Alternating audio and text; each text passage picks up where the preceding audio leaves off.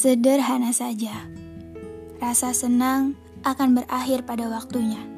Dan rasa itu pasti akan datang kembali dengan cerita yang berbeda.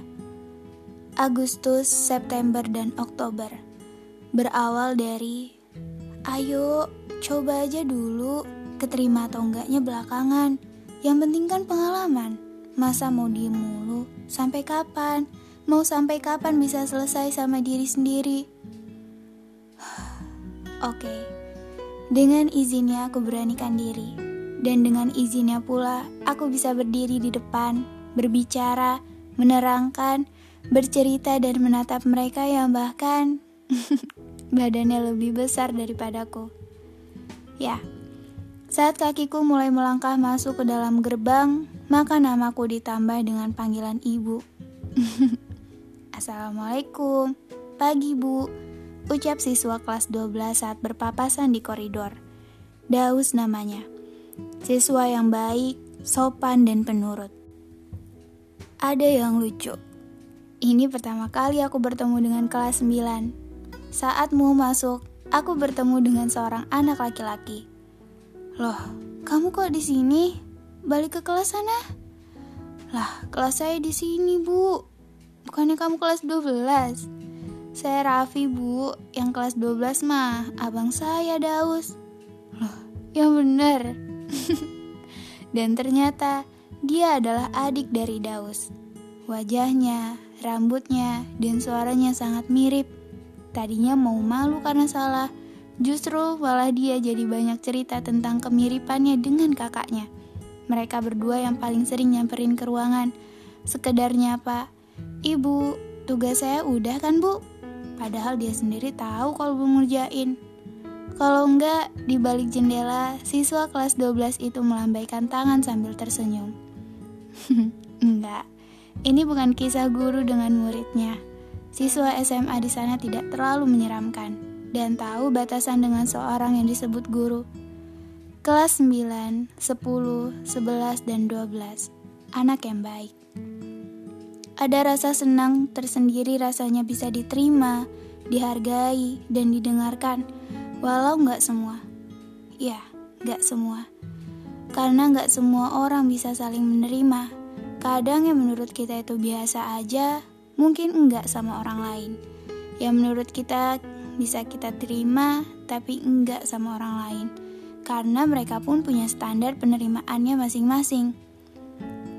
Setiap keluar kelas, ada pertanyaan yang selalu muncul. Mereka ngerti gak ya sama yang gue jelasin tadi? Mereka seneng gak ya gue masuk ke dalam kelas? Mereka seneng gak ya sama cara gue ngajar? Dan banyak pertanyaan lainnya. Ketakutan yang gak bisa dihindari karena merasa ini udah tanggung jawab gue sebagai guru. Mau gak mau, gue harus bisa belajar menyesuaikan diri dengan mereka dan berusaha memberikan yang terbaik. Jailah. Satu hal yang membuatku heran, kenapa mereka di sana pada ambisius dan rajin-rajin banget?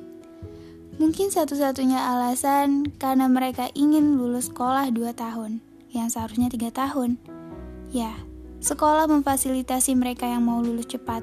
Tapi nggak kebayang deh, setiap hari mereka mengejar target tugas dan ulangan, dan itu semua mata pelajaran.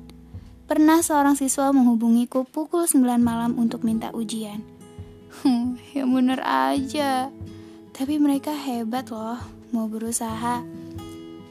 Saat mengejar di kelas cepat, Bu, saya sebenarnya capek.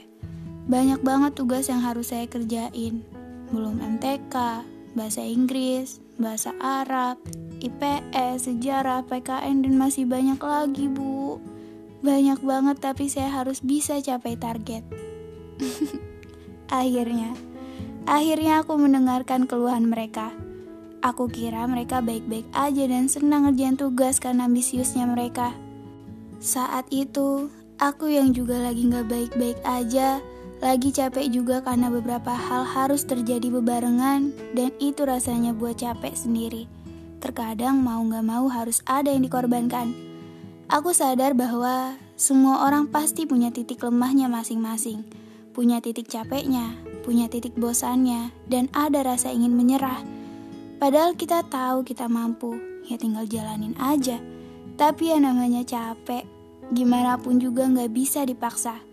Seperti laptop, mau sebagus apa pun laptop, mau secepat apa pun kerjanya, ya kalau baterainya habis nggak akan bisa apa-apa. Perlu dicas, perlu di fullin lagi biar bisa dipakai lagi. Rasa capek itu wajar kok. Istirahat dulu, mungkin itu kuncinya.